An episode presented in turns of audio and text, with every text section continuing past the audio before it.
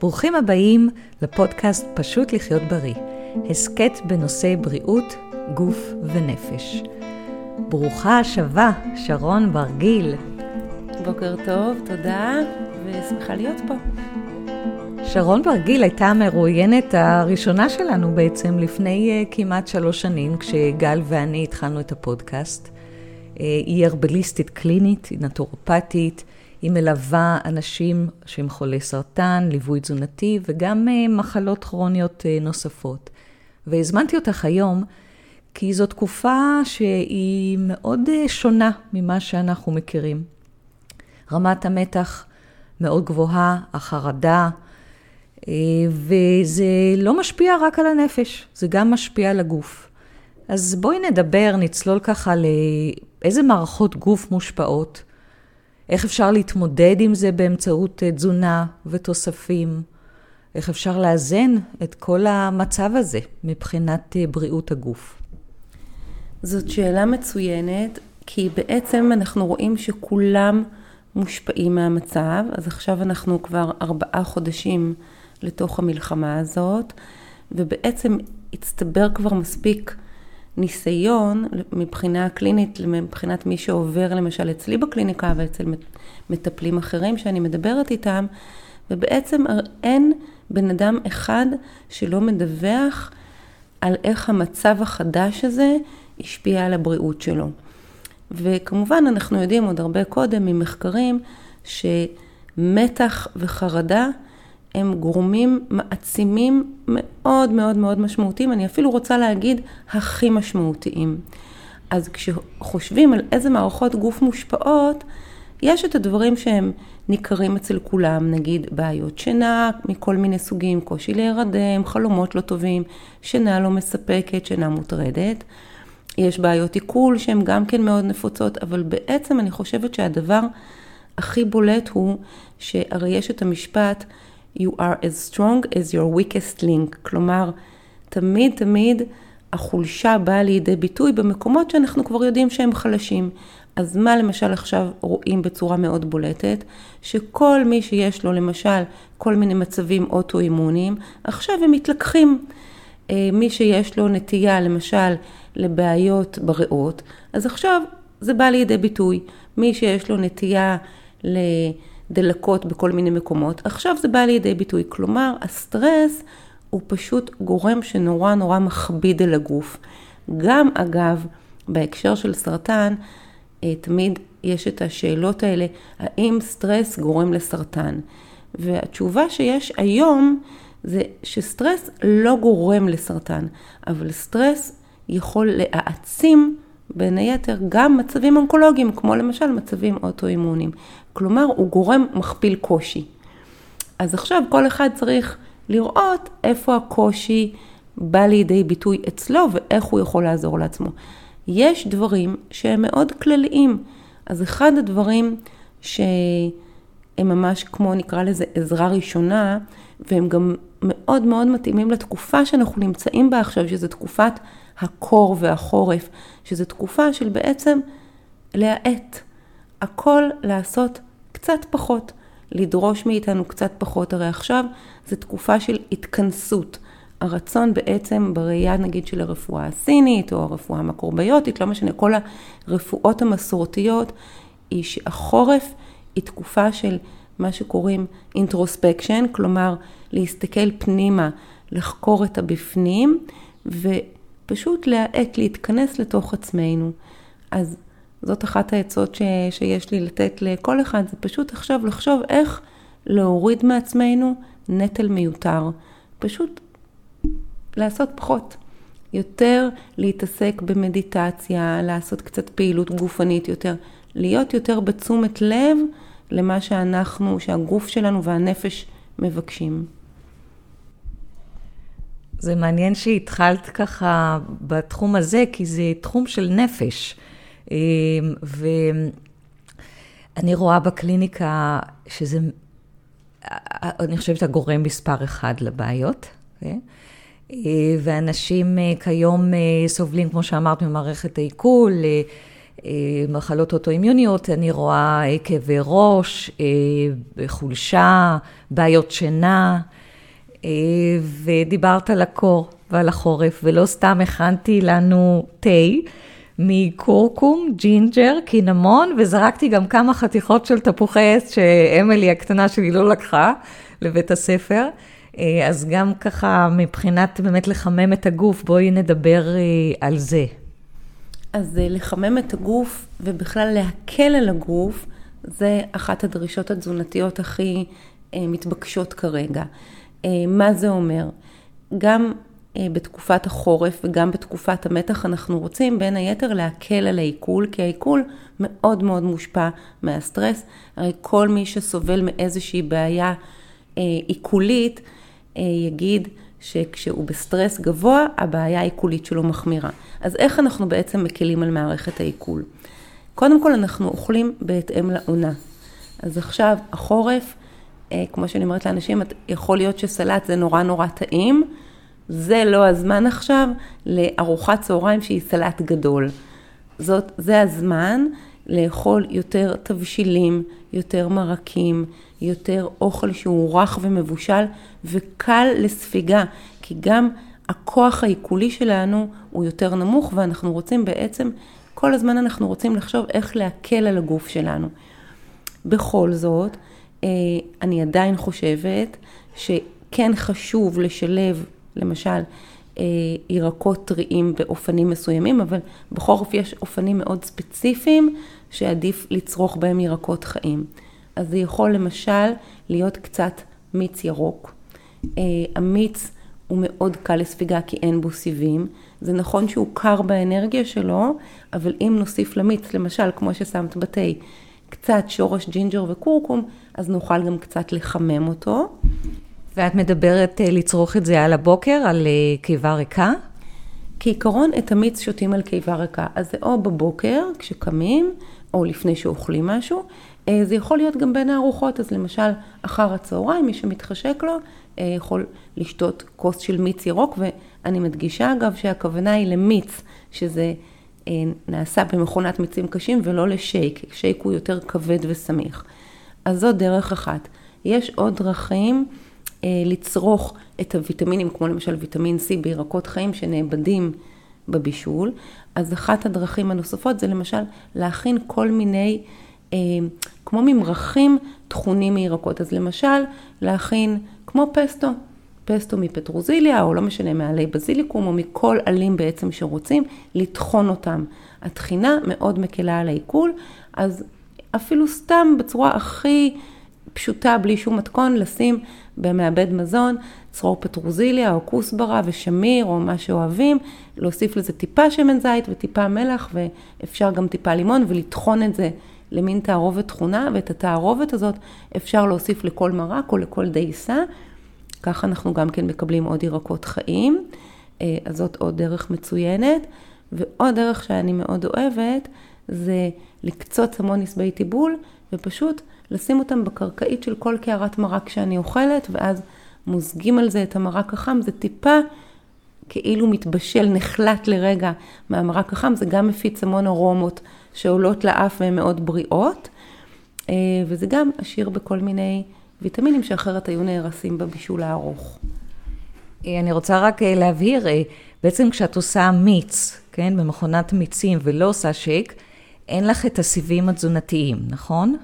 נכון, המטרה של המיץ היא לא להחליף ארוחה, המטרה של המיץ היא להיות מעין תוספת, כמו למשל לשתות כוס, תה, אבל זו תוספת של הרבה מאוד ויטמינים ופיתוכימיקלים שנמצאים בתוך הירקות, זה בלי הסיבים, אז זה, יש לזה כמו כל דבר יתרון וחיסרון, השאלה מה אתה מחפש. אז היתרון הוא שהספיגה היא מאוד מאוד מהירה, החיסרון הוא שזה לא משביע, כי אין סיבים, זה לא יושב בבטן, אז אין כאן כוונה להגיד שכדאי אה, לעשות עכשיו צום עצים למשל, כי בעיניי לא כדאי בקור הזה לעשות צום עצים, אבל זה רעיון מצוין לשלב כוס מיץ אה, למי שרוצה. אה, אנשים באמת בחורף צריכים ככה לדעת לעשות את האיזון מבחינת טמפרטורות, כן? אז כשאמרת כן ירקות טריים, אבל ככה ירקות שהם לא יותר מדי קרים, תסבירי לנו קצת את זה יותר. אז אפשר לחדד את זה בהבנה, אנחנו עכשיו בתקופה הזאת בדיוק, אני המון מתעסקת בשאלה איך לחדד לאנשים את המנעד, את המינונים של הדברים. כי אנחנו חיים בתקופה שהכל בה הוא שחור ולבן, בריא ולא בריא. אה, זה נהדר או זה רעל, אבל זה לא מתפקד ככה בראייה שלי, זאת אומרת, זה תמיד הכל איזשהו רצף. אז אנחנו עדיין רוצים לצרוך ירקות חיים, זה לא שאנחנו לא רוצים לצרוך ירקות חיים, אבל המינון שלהם בסך התזונה היומית שלנו הוא יורד. אם למשל בקיץ אני יכולה להגיד, כן, אני אוכלת 70% מהאוכל שלי הוא רק ירקות חיים, אני כמעט לא אוכלת ירקות מבושלים נגיד בקיץ. בחורף הפוך, אני אוכלת ירקות חיים, אבל מסך הירקות שלי זה יהיה אולי 20 או 30 אחוז, זה דבר אחד. אז גם אם אני אכין לעצמי סלט, אני אעשה סלט נגיד שהוא בעיקר מעלים ירוקים שגם זה, עכשיו זה שיא העונה שלהם. אני פחות אשתמש בירקות חיים שהם יותר קשים לעיכול, כמו נגיד גזר או פלפלים או דברים שהם קשה יותר לעכל אותם, אז אני אעשה לי סלט עם הרבה עלים. הסלט יהיה קטן, הוא לא יהיה מרכז הארוחה שלי, הוא ילווה את הארוחה שלי. אני אטחן הרבה פעמים את הירקות החיים, כמו למשל, כמו פסטו כזה, או סלט שהוא ממש טחון דק כדי שיהיה עוד פעם קל לעיכול, ככל שהאוכל שלנו יותר טחון, יותר קל לנו לספוג ולעכל אותו, אז אני אעשה כל מיני התאמות שמתאימות לעונה, גם במינון וגם באופן ההכנה. אה, זה מעניין שאת מדברת על אה, שיהיה פחות אה, לעיסה, ומדברים על, על מבנה הלסת שהשתנה במרוצת השנים כתוצאה מזה שאנחנו לא לועסים לא מספיק. ורגע אני חוזרת בחזרה לירוקים. ברפואה הסינית, כשהכבד הוא במתח, זאת אומרת שאנחנו בתקופה כזו של מלחמה, זה פוגע בכבד, בתפקוד הכבד מבחינת הרפואה הסינית, לא מבחינת רפואה מערבית, וזה אומר שהכבד הוא מניע את הצ'י, את האנרגיה ואת הדם. וכשהוא במתח, הוא לא עושה את התפקיד הזה אה, כיאות, ואז יש כאבי ראש, מיגרנות, אה, כל מיני כאבים בבטן, או, או כאבים בכלל במערכת העיכול, כאבים בגוף. אה, וירוקים זה אחד הדברים העיקריים שאנחנו ממליצים בשביל לאזן, להרמן את הכבד. אה, בקליניקה, את יודעת שרון, את בטח גם שומעת את זה אצלך בקליניקה וחברים ומשפחה. כיום יש הרבה שיח על איך אנחנו מנחמים את עצמנו עם תזונה, אני לא יכולה לומר תזונה, אבל אוכל, אה, כמו סוכר וחטיפים ואכילה לילית. וזה נורא מצחיק, אני הולכת לפילאטיס, ותמיד יש את השיח הזה, מה אני אכלתי, ומה, ו- וסיימו לי את כל הגלידה, ואת כל העוגות, ו- ואני צריכה את זה, וזה ממש הפך לשיח אה, במלחמה, זה לא היה לפני כן. אה, מה את ממליצה למטופלים בעניין הזה? זאת אומרת, איך באמת להתגבר על הצורך הזה של לנחם את הנפש עם סוכר? אז אה, שאלה מצוינת, אבל אני אפרק את התשובה שלי לשני חלקים. אז אחד, אני רוצה להבהיר לגבי עניין הירוקים. אה, כמובן, אני מסכימה עם כל מה שאמרת בנושא הכבד, אז בחורף, למשל עכשיו, התחלתי תוכנית כזאת של עשרה ימים שאני קוראת לה התחדשות חורף, ולקח לי הרבה זמן לחשוב על המילה התחדשות, כי אני ממש התנגדתי להשתמש במילה ניקוי, שלא לומר ניקוי רעלים, ש... לא ניכנס לזה כרגע, אבל זה צמד מילים שבאמת מעוררות בי אה, פריחה, אני רוצה להגיד. אה, ו, ולמשל, בתקופה הזאת, אנחנו אוכלות המון ירוקים, אבל ירוקים מבושלים. אז למשל, אחד מאכלי הבסיס בתוכנית הזאת, או בכלל בתקופה הזאת בשבילי, זה להכין מרק ירוק. אני לוקחת את כל ירקות החורף, למשל סלרי וקרשה וטרד ומנגולד, יכולה להוסיף עליה חובזה, יכולה לשים בצל, אז הרבה הרבה ירקות ירוקים שכמובן באמת מניעים את הכבד, ומבשלת אותם למרק וטוחנת אותו. ולמרק הזה, אגב, אני יכולה ברגע האחרון להוסיף עשבי טיבול ולטחון גם אותם. אז זה לא שהירוקים הם פחות חשובים, אנחנו פשוט צורכים אותם בצורה אחרת. אז הכוונה שלי אה, קודם בעניין של להוריד את המינון, הכוונה הייתה להוריד את המינון של הירקות החיים, אבל עדיין, וזו נקודה שנורא חשוב באמת להבהיר אותה, אז אני שמחה ששאלת, עדיין הירקות הם תמיד לפחות 50 אחוז מנפח התזונה שלנו, אה, ואפשר אפילו יותר מזה. אז זה דבר אחד, כי באמת הכבד אה, סובל וצריך להקל עליו. עכשיו לחלק השני. אה, רגע, לפני שאנחנו אה, הולכות לחלק השני, אה, אני אשמח שתאמרי למאזינים איך את מכינה את המרק הירוק הזה, כי אני מאוד הסתקרנתי. Okay. אוקיי. אז uh, המרק הזה, זה מה שטוב בו ומה ש, שמקשה לפעמים על אנשים, אין פה בעצם מתכון, אבל מה שאני עושה, אני, תמיד יש לי ירקות בסיס, אז הירקות בסיס שלי יהיו תמיד גזר, סלרי, קרשה, תמיד גם קישואים, למרות שנכון, זה לא ירק של חורף, אבל אני כן משתמשת בקישואים. אה, ואחד הדברים שאני הכי אוהבת, משתמשת בהם כל יום, ואנשים לא משתמשים בזה, זה השדרות של המנגולד. אז אני קונה המון מנגולד וגם מגדלת הרבה מנגולד בגינה, וכל החלק הלבן הזה, אה, זה נורא נורא טעים, אני משתמשת בזה כמו בצל. אז אני, מה שטוב במרק טחון, זה ההכנה היא מאוד מאוד מהירה, כי הכל טוחנים, אז אני קוצצת מאוד גס ומאוד במהירות את הירקות האלה, שמה אותם בסיר, אה, מוסיפה קצת שמן זית וקצת שום, ומטבלת בתמיד, תמיד אצלי מלח, פלפל, זרעי כוסבר הטחונים, שזה התבלין האהוב עליי בעולם, ואני טוחנת לבד, ויש לזה באמת ארומה נהדרת, אה, ומוסיפה תמיד אולי קצת משהו יותר חריף. וקצת מעדה את הירקות בסיר סגור, זה לוקח אולי שבע דקות, ואז אני מוסיפה איזה תוספות שמתחשק לי, אז זה יכול להיות אה, ברוקולי, אם אני מוסיפה פרחי ברוקולי זה נורא חשוב לבשל אותם בישול מאוד קצר, ולא מה שאני קוראת להרוג אותם בבישול. ואני תמיד מוסיפה, וזה מפתיע אנשים, אה, חסה, אז אה, חסה ערבית, נהדרת בבישול, ומוסיפה עלים. עלי מנגולד, עלי תרד, איזה עלים שמתחשק לי, ואז ברגע שהעלים טיפה אה, מבושלים, אני מעבירה את הכל לבלנדר וטוחנת את זה למרק. זה מרק באמת באמת נהדר. אפשר להוסיף אפונה, לא להוסיף אפונה, לעשות מה שבא לכם. הנוזלים אצלי יהיו תמיד או ציר ירקות מהיר, או ציר עוף או בקר שאני תמיד מכינה ושומרת בפריזר, אבל ממש ממש אפשר להשתמש במים, וזה בסדר גמור. זה המרק. אה, את מוסיפה אה, משהו חריף אה, כי זה מחמם? אני מוסיפה משהו חריף גם כי זה מחמם וגם כי אני אוהבת את הטעם הטיפה חריף הזה. וכשאני מגישה את המרק אגב, אני תמיד מגרדת מעל קליפת לימון, אפשר גם קליפת תפוז, רק אם זה אגב לימון או תפוז מעץ שיש לכם, או מחנות אורגנית, ולא כזה שמצופה בשעווה, חלילה. אה, ואני הרבה פעמים בתוך המרק עכשיו עוד שמה כף כזאת של רכז עשבי טיבול טחונים, שזה מתכון מהספר שלי, או סתם עשבי טיבול שאני טוחנת בבלנדר לרגע. כשבעלי עושה מרק כזה דומה, אז הוא גם, אה, אנחנו מטפטפים כמה טיפות של לימון בתוך המרק, זה מאוד מוסיף נכון. בטעם.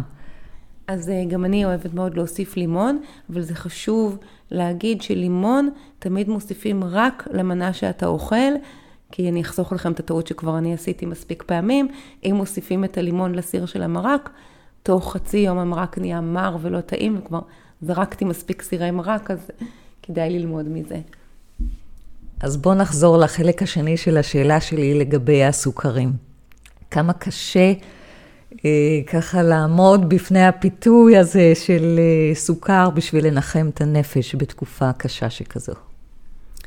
אז אה, זו שאלה מאוד מורכבת, ובעיניי היא תמיד בסוף באמת מגיעה לעניין הרגשי.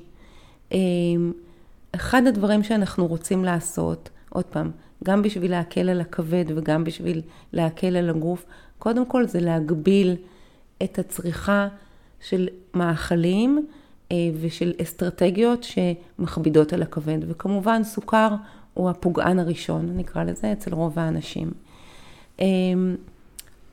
ובעצם מה שזה דורש, זה דורש סוג של התכווננות פנימית הרבה פעמים. וההתכווננות הזאת היא לא צריכה להיות דווקא אה, מדיטציה של חצי שעה, אבל היא צריכה להיות מעין איזה תזכורת שאנחנו מזכירים לעצמנו, אה, רגע, מה בעצם באמת חסר לי הרגע? ומה שקורה הרבה פעמים, אני חושבת, אני רוצה להגיד רוב הפעמים, אנחנו בעצם אוכלים בהיסח הדעת. וזה העניין החשוב, כי אם אנחנו מחליטים לאכול עוגה, או עוגיה, או לא משנה איזשהו דבר מתוק, כי זאת ההחלטה שהתקבלה אצלנו, ואמרנו, עכשיו אני באמת ממש רוצה לשבת ולשתות כוס תה או כוס קפה עם חתיכת עוגה וליהנות מכל ביס. זה נהדר בעיניי, אין לי שום בעיה עם זה.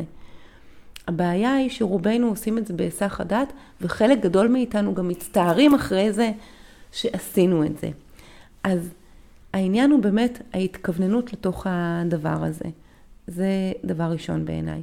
דבר שני זה גם להבין, כמו כסף, שאם אנחנו, יש לנו תקציב מסוים לבזבוז, נקרא לזה, אז אם יש לנו לצורך הדוגמה שלושה שקל לבזבז, אז אנחנו לא יכולים עכשיו ללכת ולבזבז 30 שקלים. ואותו דבר עם המתוק, צריכים להבין שאנחנו יכולים להקציב לעצמנו איזושהי מקצבה של משהו מתוק, ולהחליט מתי אנחנו אוכלים את זה וליהנות מזה. ואפרופו בהיסח הדעת הזה, אני רואה שאנשים, רוב האכילה שלהם היא בהיסח הדעת. בדיוק השבוע הגיע אליי איזשהו מחקר שכבר נעשו הרבה כמותו, אבל זה כל פעם נחמד לקבל את התזכורת מחדש, של שתי קבוצות של נסיינים, שכל קבוצה קיבלה 400 גרם קרקרים. הקבוצה הראשונה קיבלה את כל הקרקרים בשקית אחת. אז הם קיבלו את השקית ואמרו להם, אתם יכולים לאכול כמה שאתם רוצים, עד שמספיק לכם ותפסיקו. הקבוצה השנייה קיבלה 400 גרם קרקרים שהיו אורוזים בארבע חבילות של 100 גרם. וגם אמרו להם, תאכלו כמה שאתם רוצים, תגמרו חבילה אחת, תפתחו את החבילה השנייה. וקרה משהו שהוא באמת לא מפתיע, אני רוצה להגיד, שאלה שקיבלו את כל הקרקרים בחבילה אחת, אכלו הרבה יותר מאלה שקיבלו ארבע חבילות קרקרים. למה? כי כשנגמרת חבילה, התהליך הזה של עכשיו להוציא עוד חבילה ולפתוח אותה, הוא מעין עצירה כזאת שגורמת לנו באמת אולי אפילו למאית השנייה לעצור רגע ולחשוב, אני באמת רוצה עכשיו עוד, לפתוח עוד חבילה, ולכן הם עצרו. אז התשובה אולי היא לנסות להיות קצת יותר בתשומת לב לעצמנו, לא לייצר הגבלי, הגבלות כאלה שאנחנו קמים בבוקר ואומרים, היום אני לא נוגעת בזה ולא נוגעת בזה, אלא פשוט להיות, לנסות להיות בקצת יותר קשב. כשאני מנחה מיינדפולנס, אז אה, אני נותנת את תרגיל הצימוק, שאנחנו לא עושים צימוק המון המון המון לעיסות, ובאמת אה, אני מסבה את תשומת אה, ליבם לטעם, למרקם, עוצמים עיניים. לרוק שמצטבר, ואת ממש מדברת על אכילה מיינדפולית, וזה כל כך כל כך חשוב. מבחינת ה... באמת, אני, אני מאוד איתך דרך אגב, אני לא פנאטית לגבי סוכר, אני משתדלת כן לאכול דברים שהם יותר בריאים, למשל שוקולד מריר 90 אחוז, או היום שהכנתי את התה עבורנו, אז שמתי תמר ואגוזים, אגוזי מלך. אה, אבל לפעמים, כן, לפעמים בא לי איזה חתיכת עוגה טובה, שהבת של בעלי אלופה בעוגות, אה, וכשהם באים אה, ככה אלינו ויום שישי היא הופעה, אז נשאר כמובן לתחילת השבוע. אז, אבל אני עושה את זה מאוד מיינדפון, זאת אומרת, אני, אני חושבת מתי אני אוכל את חתיכת העוגה הזו, עם התה או עם הקפה, קפה כמובן אני לא שמה סוכר, התרגלתי לזה כבר מזמן, אבל בואי תני לנו קצת באמת... תח... לא יודעת אם יכולה לומר תחליפים לסוכר, אבל אה, מזונות שיורידו לנו מבחינה פיזית, אני מתכוונת, את ה craving הזה לסוכר, לאנרגיה, לקלוריות. אז אני רוצה עוד פעם לחלק את התשובה שלי לשתיים, ו... ועוד פעם רגע להתייחס כן לעניין הזה, לא רק של המיינדפולנס, שתרגיל צימוק הזה הוא באמת בעיניי תרגיל מכונן וכדאי לכל אחד לעשות אותו, אבל להתייחס באמת עוד פעם לעניין הזה של כמה אנחנו בסטרס מהאוכל. אה, אז אני למשל, גם בספר שלי קוראים לו 90 אחוז בריא, והשם הזה ניתן לאחר מחשבה מרובה. ואני רוצה להגיד שהרעיון הוא לייצר יכולת עם עצמך לאכול מתוך נינוחות, ולא מתוך סטרס. ואי אפשר להתנהל בעולם ולהגיד, זה אסור לי וזה אסור לי וזה רע לי וזה לא בריא וזה יפגע לי בבריאות. ואז מה שקורה באמת זה נגמר במעין איזושהי התפרקות הרבה פעמים. אלא זה בסדר לאכול דברים שמתויגים, ואני רוצה להגיד במרכאות, לא בריאים. כל המינוח הזה בכלל של בריא ולא בריא, זה מינוח מאוד מתעתע שאני משתדלת אגב להפחית את השימוש בו. יותר טוב להגיד אוכל מתאים או לא מתאים, וזה ממש ממש בסדר, בגלל שהאכילה ממלאת אצלנו כל כך הרבה רבדים אה, שקשורים גם לבריאות שלנו, אי אפשר למדוד את האוכל רק בדברים המדידים. כמה סיבים יש בזה, כמה ויטמין C יש בזה, כמה חלבון יש בזה. יש הרבה דברים רגשיים שאנחנו מקבלים מהאוכל, כל אחד בהתאם לאיך שהוא גדל ולחיים שלו. וזה ממש בסדר לאכול דברים שהם מתויגים כלא בריאים. אז אה, זה דבר אחד, צריך לשחרר בעיניי את כל הדבר הזה, וזה בסדר גם לאכול שוקולד חלב פרה, לא 90 אחוז, וזה בסדר לאכול עוגה מקמח לבן, והכל בסדר. זה רק, רק, רק עניין של מינונים. אז המינונים של הדברים האלה צריכים להיות מאוד נמוכים. זה עניין אחד. אני שומעת עכשיו אה, איזה, כזה ככה, אוי, איזה כיף שהיא אומרת את זה. אני אומרת את זה גם כי הרבה פעמים אני, מן הסתם, עושה את הדברים האלה, וכשאנשים רואים אותי ולפעמים מתפלאים, אני אומרת, אני מרגישה נורא בנוח עם זה, הכל בסדר. אה, אז זה החלק הראשון. עכשיו החלק השני לגבי איך להפחית את צריכת הסוכר. אז גם כאן יש תשובה שהיא מעל פני השטח, ויש תשובות שהן יותר עמוקות נקרא לזה. מעל פני השטח, אסטרטגיות אה, מאוד פשוטות היא אחד, קודם כל, ככל שאוכלים יותר מתוק, רוצים יותר מתוק. אז אם אנחנו פותחים את הבוקר שלנו באוכל מתוק, יש סיכוי גבוה שנרצה עוד מתוק במהלך היום. אז זה דבר ראשון, להתרחק קצת ממאכלים מתוקים, וזה מחזיר אותנו עוד פעם לעניין אפרופו של משקאות דיאט, שלכאורה אנשים אומרים, אין בעיה, אין בזה קלוריות, אבל זה לא מספיק שאין בזה קלוריות. הטעם המתוק הזה רק עושה לנו חשק לאכול עוד מתוק. אז קודם כל, אנחנו מנסים להפחית צריכה של דברים מתוקים. אמ, הדבר השני, אז למשל לפתוח את הבוקר במשהו שהוא יותר, נקרא לזה מלוח, או קצת חריף וקצת מר, שזה אגב הטעמים של החורף. הטעמים של החורף הם הטעמים יותר המלוכים והמרים ברפואה המסורתית. הדבר השני, שאני רואה שהרבה הרבה אנשים, ובעיקר נשים, אה, חסרות בו, זה חלבון. אנשים לא אוכלים מספיק חלבון. אמ, אז כשאין חלבון, עוד פעם, עולה החשק, אין מספיק תחושה של שובע, ועוד פעם עולה החשק לאכול שוב ושוב ושוב, ובדרך כלל דברים שאנחנו חוטפים על הדרך, זה לא דברים חלבוניים. אני לא שומעת אנשים שאומרים, כן, עברתי ליד המקרר וחטפתי ביצה קשה. לא, אנשים עוברים ליד המטבח וחוטפים אה, חתיכת שוקולד או לא יודעת, או תמרים. אמ, אז, אז זה העניין השני, זה לדאוג שכשאנחנו אוכלים, לאכול ארוחה שהיא מספיק מזינה. אמ, עוד דברים, זה הכל דברים שהם נורא טריוויאליים, אבל אנשים פשוט לא עושים אותם. אז עוד דבר, למשל, אתמול פגשתי בקליניקה שלי מישהי שהיא כל היום מנשנשת. אמ, אז אם אנחנו לא יושבים ואוכלים, זה לא נרשם טוב במוח, אני רוצה להגיד. אין בעצם תחושת שובע אמיתית. אז כדי להיות יותר שבעים, אנחנו רוצים, כן, לפנות את העשר דקות האלה או רבע שעה ולשבת ליד שולחן עם מפית וצלחת וסכין ומזלג ולאכול את האוכל עוד פעם בתשומת לב, אה, כדי שזה יירשם בגוף תחושת השובע הזאת.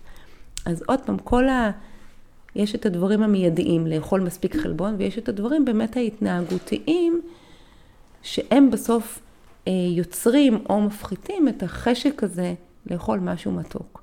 וגם אני מציעה לאנשים לא להיות במלחמה עם עצמם.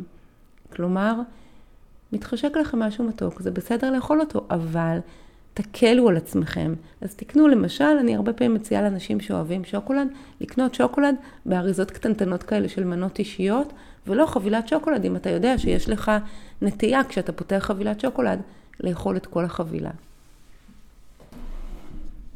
את אה, נגעת בנושא שהוא חשוב מבחינת בריאות אה, גוף ונפש, אה, לעשות דברים קבועים במהלך היום, ואפילו גם לישון בשעות, באותן שעות כל לילה. מה, מה דעתך על זה? בוא נאמר ואני קמה בבוקר ואני לא מתחשק לי לאכול ארוחת בוקר. אני לא מהטיפוסים שאוכלים ארוחת בוקר, דרך אגב, זה השתנה. פעם זה היה must, לא יכולתי בלי ארוחת בוקר. ו... ואז אני אוכלת באמת איזה פרוסת לחם שאני, דרך אגב, אני, אני אופה אה, אה, לחמי אה, אה, מחמצת, שאני מאוד אוהבת את זה. אה, אז אני ככה אוכלת איזה פרוסה שתיים עם, עם משהו, ו, ואז, ואז ארוחת צהריים קבוע בסביבות אה, שתיים, וארוחת ערב קלילה. אז מה את מציעה באמת, אה, יש אנשים שתמיד מתחבטים עם העניין הזה, ואני יכול לפספס ארוחה, דברים כאלה ככה מבחינת סדר יום. אז אה, זו גם שאלה מצוינת, וגם היא באמת, יש כללים מצד אחד, אבל יש באמת את השונות הבין אישית, שכל אחד מתאים לו דברים אחרים. אז מצד אחד, אנחנו רוצים, אני, אני לא רוצה להגיד לאכול בשעות קבועות בהכרח, אבל אנחנו רוצים, מאוד חשוב להגביל את חלון האכילה שלנו. כלומר, אה, אנחנו רוצים לקבוע שעות שבתוכם אנחנו אוכלים.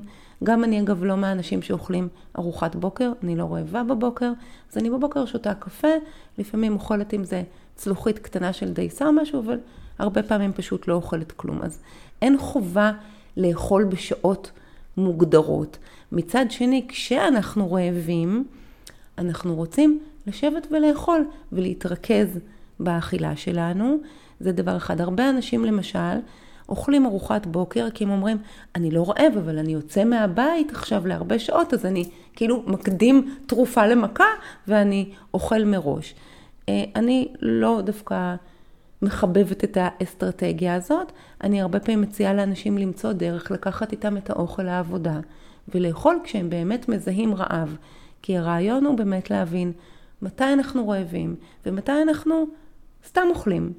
אה, אז זה עניין אחד מבחינת השעות. אה, דבר שני, גם האסטרטגיה שלה לנשנש כל הזמן, זה לא רק שהשובע לא נרשם, היא גם לא בריאה לגוף, בעיניי לפחות, כן? כל אחד ועניין, והגישה שלו. מערכת העיכול היא מערכת שדורשת מהגוף המון המון משאבים ואנרגיה.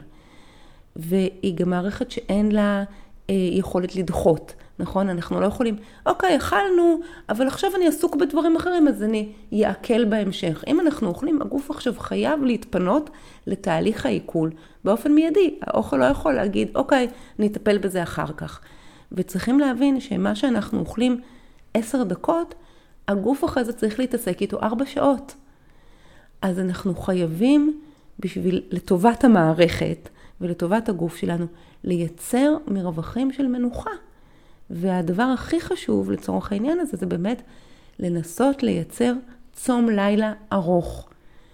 לא לאכול מאוחר בלילה ולייצר מרווח של מינימום מינימום 12 שעות בין ארוחת הערב לבין ארוחת הבוקר שלמחרת.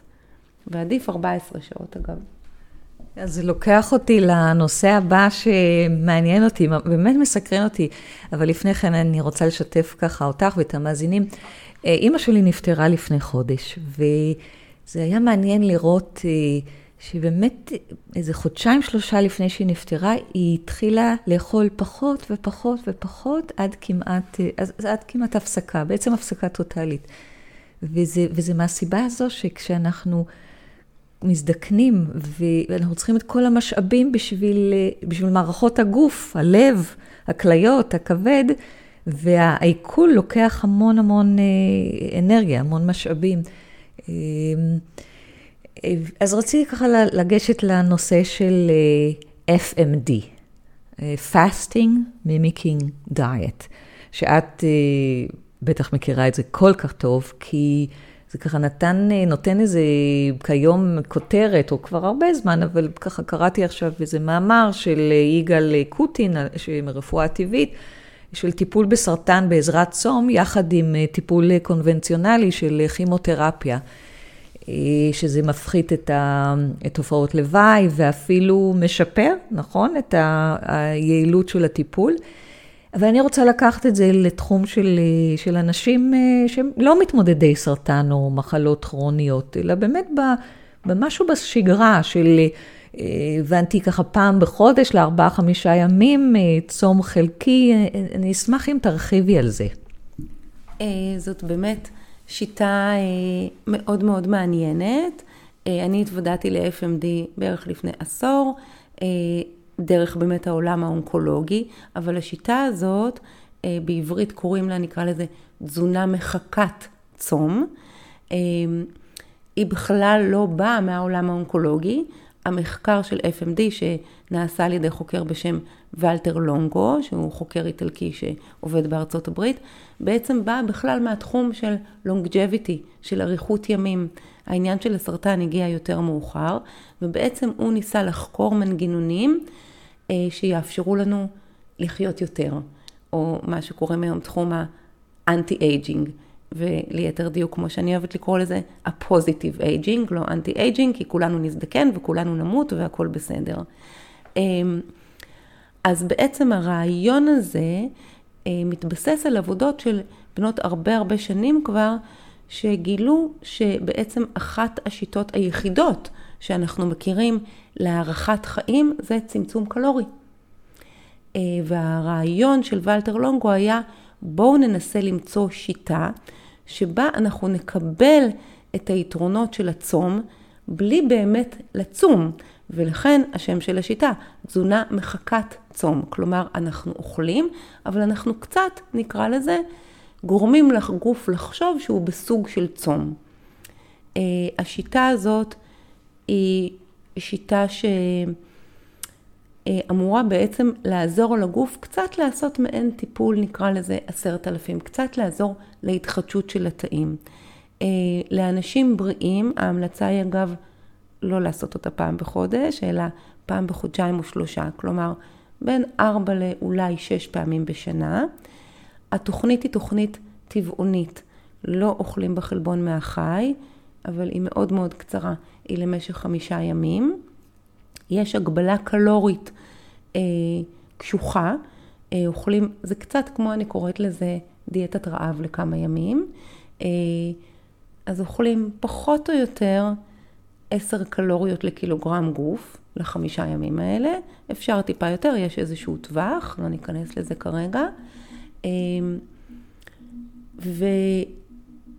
והאכילה הזאת היא גם מורכבת מיחס מאוד ספציפי של חלבונים, פחמימות ושומנים, אה, ועושים אותה למשך חמישה ימים. אני אגב אומרת אה, לאנשים שעושים את זה אצלי בקליניקה, בפעם הראשונה לעשות את זה לשלושה ימים, לא חייבים להתחיל בחמישה ימים, ובעצם הבנפיטס שלה אמורים להיות באמת פשוט הרגשה יותר טובה.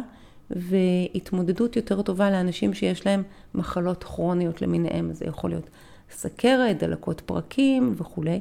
אני כן יכולה להגיד לך, כן בנושא האונקולוגי, אבל זה, זה משליך לשאר הדברים, שזאת השיטה הכי הכי טובה שאני מכירה להפחתת תופעות לוואי מטיפולים.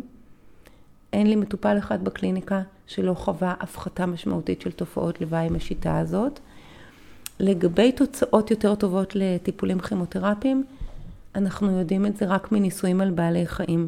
אנחנו לא יודעים את זה מאנשים, אבל זה רק מדגים בעיניי, בלי קשר לעולם האונקולוגי, עד כמה מערכת העיכול היא צור, צרכנית עצומה של אנרגיה ומשאבים, וברגע שאנחנו מקלים עליה, אנחנו בעצם מקלים על כל הגוף. בנוסף, אה, התאים הסרטניים הם אה, מאוד צמאים לסוכר, ולכן גם בקליניקה שאני מדברת על צריכת סוכר, אני אומרת, אני נותנת את הדוגמה הזאתי. אה, זו, זו דווקא סוגיה שהיא מאוד בעייתית בעיניי, ואני רואה שאנשים עוד פעם לוקחים איזשהו משפט שהוא, יש בו, נקרא לזה, אמת מדעית, אבל מפרשים את זה בדרך שהיא לא תמיד נכונה. אז אחד, לגבי ה-FMD, אה, גם בימים של ה-FMD, הצריכה הקלורית מבוססת על בין 40 ל-50 אחוז תזונה שהיא פחמימתית. אז זה לא שהיא תזונה נטולת סוכר, זה דבר אחד. וכן, אגב, חשוב להגיד, אמ, להגיד שסרטן אוהב סוכר, זה אמירה מאוד בעייתית בעיניי ומאוד לא מדויקת. אז זה נכון שבהרבה סוגי סרטן יש רצפטורים של אינסולין בכמות הרבה יותר גבוהה מאשר בתאים רגילים, ויש סוגי סרטן שמאוד אוהבים סוכר. וזה אגב אחד הדברים שהביאו כנראה לפופולריות של הדיאטה הקיטוגנית, שהיא דיאטה מבוססת שומנים, אה, גם אצל חולי סרטן. אבל אה, זה התגלה כלא בדיוק נכון. יש אחד, הרבה סוגי סרטן שדווקא מאוד אוהבים שומן, ויש גם הרבה סוגי סרטן שאוהבים חלבונים. אה, למשל, בסרטן שד אנחנו יודעים שבדרך כלל יותר מתאימה תזונה דלת שומן. ולא תזונה עתירת שומן. אז זה דבר אחד שחשוב להבין. עוד דבר שחשוב להבין, שגידולים מסוימים הם רבי אה, פנים ותכונות. כלומר, הם אוהבים סוכר, אבל כשלוקחים להם את הסוכר, הם יודעים יפה מאוד להזין את עצמם עם שומן וחלבון. אז זה אמירות שהן אה, בעיניי חשוב לחדד אותן, אז אני שמחה שאמרת את זה. הבעיה היא אולי לא סוכר, צריכת סוכר, אלא יש כאן שתי בעיות. אחת, בעיה של צריכת סוכר שהוא לא מזין, כי כן הרי יש הבדל מהותי בין לאכול פרי לבין לאכול קמח לבן. למה? כי הפרי גם בא עם הרבה סיבים וויטמינים ומינרלים ופיתוכימיקלים, והקמח הלבן בא בלי כלום. אז זה דבר אחד. אז ההבדל הוא אולי סוכר נקרא לזה מזין, אם אפשר להגיד כזה דבר, לבין סוכר ריק. זה דבר אחד. והדבר השני הוא באמת המצב האישי של הבן אדם. כי אנשים שאין להם בעיית סוכר, וזה אגב עכשיו יצאנו לחלוטין אפילו מהעולם האונקולוגי, כל אדם באשר הוא, שאין לו בעיית סוכר, זה מצוין לצרוך פירות כמה שהוא רק רוצה. הרי פירות זה דבר שהוא ממש נהדר, אם אין לך בעיית סוכר. ואם יש לך בעיית סוכר, אז גם פירות שהם נורא בריאים, זה לא מתאים לך לאכול אותם, כי פירות הרבה פעמים מעלים את הסוכר. וזה אגב דוגמה מצוינת לעניין של אין כאן בריא או לא בריא. אה, קיבי זה בריא או לא בריא. המילה הנכונה היא מתאים או לא מתאים. ואם יש לי בעיית סוכר, אז קיבי ככל שהוא בריא ונורא עשיר בוויטמין C וכלורופיל, הוא לא מתאים לי כי יש לי בעיית סוכר. אולי הוא מתאים לי, אגב, עוד פעם, אין כאן שחור ולבן, אולי הוא מתאים לי בכמות קטנה, ואם אני אוכל ליד הקיבי הקטן שלי גם כמה אגוזים ושקדים, או אבזוק עליו קצת שמן זית, שזה אגב מאוד מאוד טעים ואנשים אבל לא עושים את זה, אז זה יותר יתאים. אז הרעיון כאן הוא באמת להבין מה מתאים, ולהבין איך הגוף שלנו ביחס לאמירות שאומרים לנו. אני שמחה שהעלית את זה, כי באמת מדברים כיום על רפואה מותאמת אישית, וכמו כן אה, תזונה מותאמת אישית. אה, אני רוצה לגעת במה שאמרת של פרי ואגוזים. אני משתדלת תמיד כשאני אוכלת פרי, לאכול איזה מנה קטנה של אגוזים. אה, אני רוצה שתספרי לנו קצת ככה, למה זה בריא. אז פירות הם באמת עתירי סוכר. אה, גם כאן יש אגב תגובה אישית, כי יש את מה שאנחנו יודעים באופן כללי, אוקיי? אנחנו, באופן כללי אנחנו יודעים שנגיד תותים הם פירות דלי סוכר יחסית, אבל בגלל שאני אגב עכשיו גם הרבה עובדת עם מד סוכר לאנשים, אז הנה אני רואה שהרבה פעמים אנשים אוכלים תותים שהם לכאורה דלי סוכר, אבל הסוכר שלהם מאוד עולה. אז זה עניין אחד של להבין את התגובה האישית שלנו. ועכשיו ההכנסה של השומן נועדה בעצם לעכב את עליית הסוכר בדם. אז, ולכן אפשר לאכול עם פרי כל דבר שהוא שומני. זה יכול להיות אגוזים ושקדים, זה יכול להיות כף זרעי פשטן טחונים, זה יכול להיות עוד פעם משהו שאני מאוד אוהבת, שזה פשוט לטפטף כפית שמן זית על הפרי, וזה יכול להיות גם לאכול פרי עם אה, כפית של חמאת שקדים או חמאת בוטנים ביתית, או לא יודעת מה, רבע אבוקדו. אז כל דבר שומני יענה כאן על הבעיה הזאת של להאט את עליית הסוכר בדם. עכשיו, למה בעצם זה בא? כי אנחנו מנסים ליישב בין שני דברים שהם קצת מתנגדים אחד לשני. לכאורה, עליית הסוכר בדם מפירות היא תהיה הרבה פחות בעייתית, ואנחנו יודעים את זה ממחקרים, כשאוכלים את הפרי בסוף האוכל. אז אחרי שאכלנו ארוחה, אם נוסיף עליה פרי, עליית הסוכר שלנו בדם מהפרי תהיה יותר מתונה. מצד שני, פירות זה דבר שהוא מאוד קל לעיכול, וזה פחות נכון בראייה של רפואה מסורתית לקנח בפירות. לא מקנחים בפירות. בסוף האוכל אמורים אגב לא לאכול משהו מתוק. אמ, אז זה, הראייה הזאת כן מביאה אותנו בעצם להפריד את הפרי מהארוחה. ואז אם אנחנו מוסיפים את הדבר השומני, אנחנו כאילו מעין מייצרים איזשהו אפקט שבעצם מערכת העיכול, יש בה עוד משהו ולא רק הסוכר של הפרי, ועליית הסוכר תהיה יותר איטית קצת. אז אני רוצה ככה להבין, אה, אני באמת ממליצה לא לאכול פירות אחרי ארוחה, ובכלל בלי קינוח. אה, אם את כן אוכלת אה, משהו מתוק עם סוכרים, גם אם זה טבעי, אני יודעת שזה גם הופך את הקיבה קצת יותר לחומצית. זאת אומרת, משהו כמו מרכיב את המזון יותר מדי מהר, או בכלל מרכיב שזה לא טוב. אה, נכון, זה מביא אותנו אגב לשיח שאין לנו בטח את הזמן עכשיו לעשות אותו לעומק, אבל של כל העניין הזה של צירופי מזון, מה מצרפים ממה.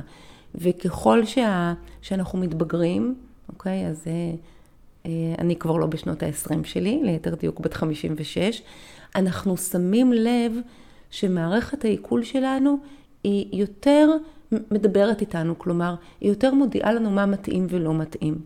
אז קודם כל, העניין הזה של פירות בסוף האוכל הוא לא מתאים, כי פירות הם מאוד קלים לעיכול, ובכל הרפואות המסורתיות לא אוכלים פירות בסוף האוכל, וגם לא אוכלים פירות כחלק מתוך הארוחה. פרי זה משהו מתוק, והוא נועד באמת לאכל בנפרד.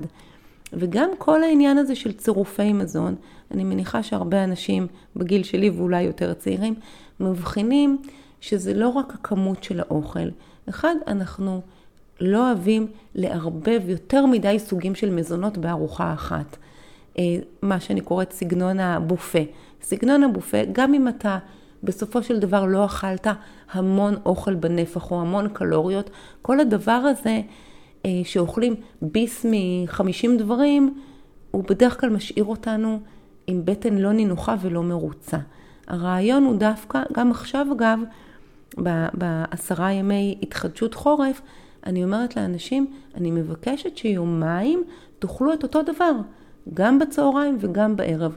חלק מההשקטה של מערכת העיכול קשורה לא רק לכמה אנחנו אוכלים, אלא באיזה צירופים וכמה אנחנו מאתגרים את המערכת עם אין סוף דרישות. כי כל הרי סוג של אוכל שאנחנו מכניסים דורש דברים אחרים לעכל אותם. אמ, אז זה לא רק אפילו לא לאכול פירות בסוף הארוחה, זה גם למשל לא לאכול בשר עם פחמימות המילניות. אז כל הצירופים, נקרא לזה, הקלאסיים האלה של אה, קציצות עם פירה, שניצל עם צ'יפס, אה, ספגטי בולונז, הם אה, בעצם פחות מתאימים, נקרא לזה, או פחות נכונים. אנחנו אוכלים חלבון מהחי, כי עקרון הרעיון זה לאכול אותו עם אה, ירקות ירוקים, אה, מבושלים או חיים, ולא להוסיף משהו פחמימתי שרק מכביד על העיכול עוד יותר. הספגטי בולונז מככב אצלנו בבית, בעלי עושה אותו, וואו, מדהים. לפחות זה, את יודעת, עבודת בית, עבודת יד. אה, אה, אבל נתת לי רעיון לפרק נוסף, צירופי מזון. כי מצד אחד אה, זה באמת תזונה מותאמת אישית, אבל מצד שני כן חשוב לדעת את הכללים לצירופי מזון, כמו שעכשיו ככה התחלת לגעת בזה. אז אנחנו נעשה עוד איזה פרק על זה. המון תודה, שרון. ממש השכלתי היום. אני מאוד... אני רואה את הידע העצום שלך, ואני שומעת אותו, ו, וזה ככה נותן לי כל כך הרבה חשק להיכנס למטבח ולבשל דברים אה, בריאים, או לפחות להעביר לבעלי שמבשל את כל הטיפים האלה. אה, אז אה, תודה, תודה, אני בטוחה שהמאזינים יקבלו הרבה מידע כאן וילכו עם זה הלאה, לחיים בריאים יותר. יופי, ותודה שהזמנת אותי. תמיד uh, כיף לדבר על הנושאים המרתקים האלה. אז uh, תודה. תודה לכם, המאזינים, שחזרתם uh, להקשיב לעוד פרק בפודקאסט פשוט לחיות בריא. אתם יכולים להיכנס לקישור להצטרפות לקבוצה השקטה שנמצא בספוטיפיי, ולהתראות.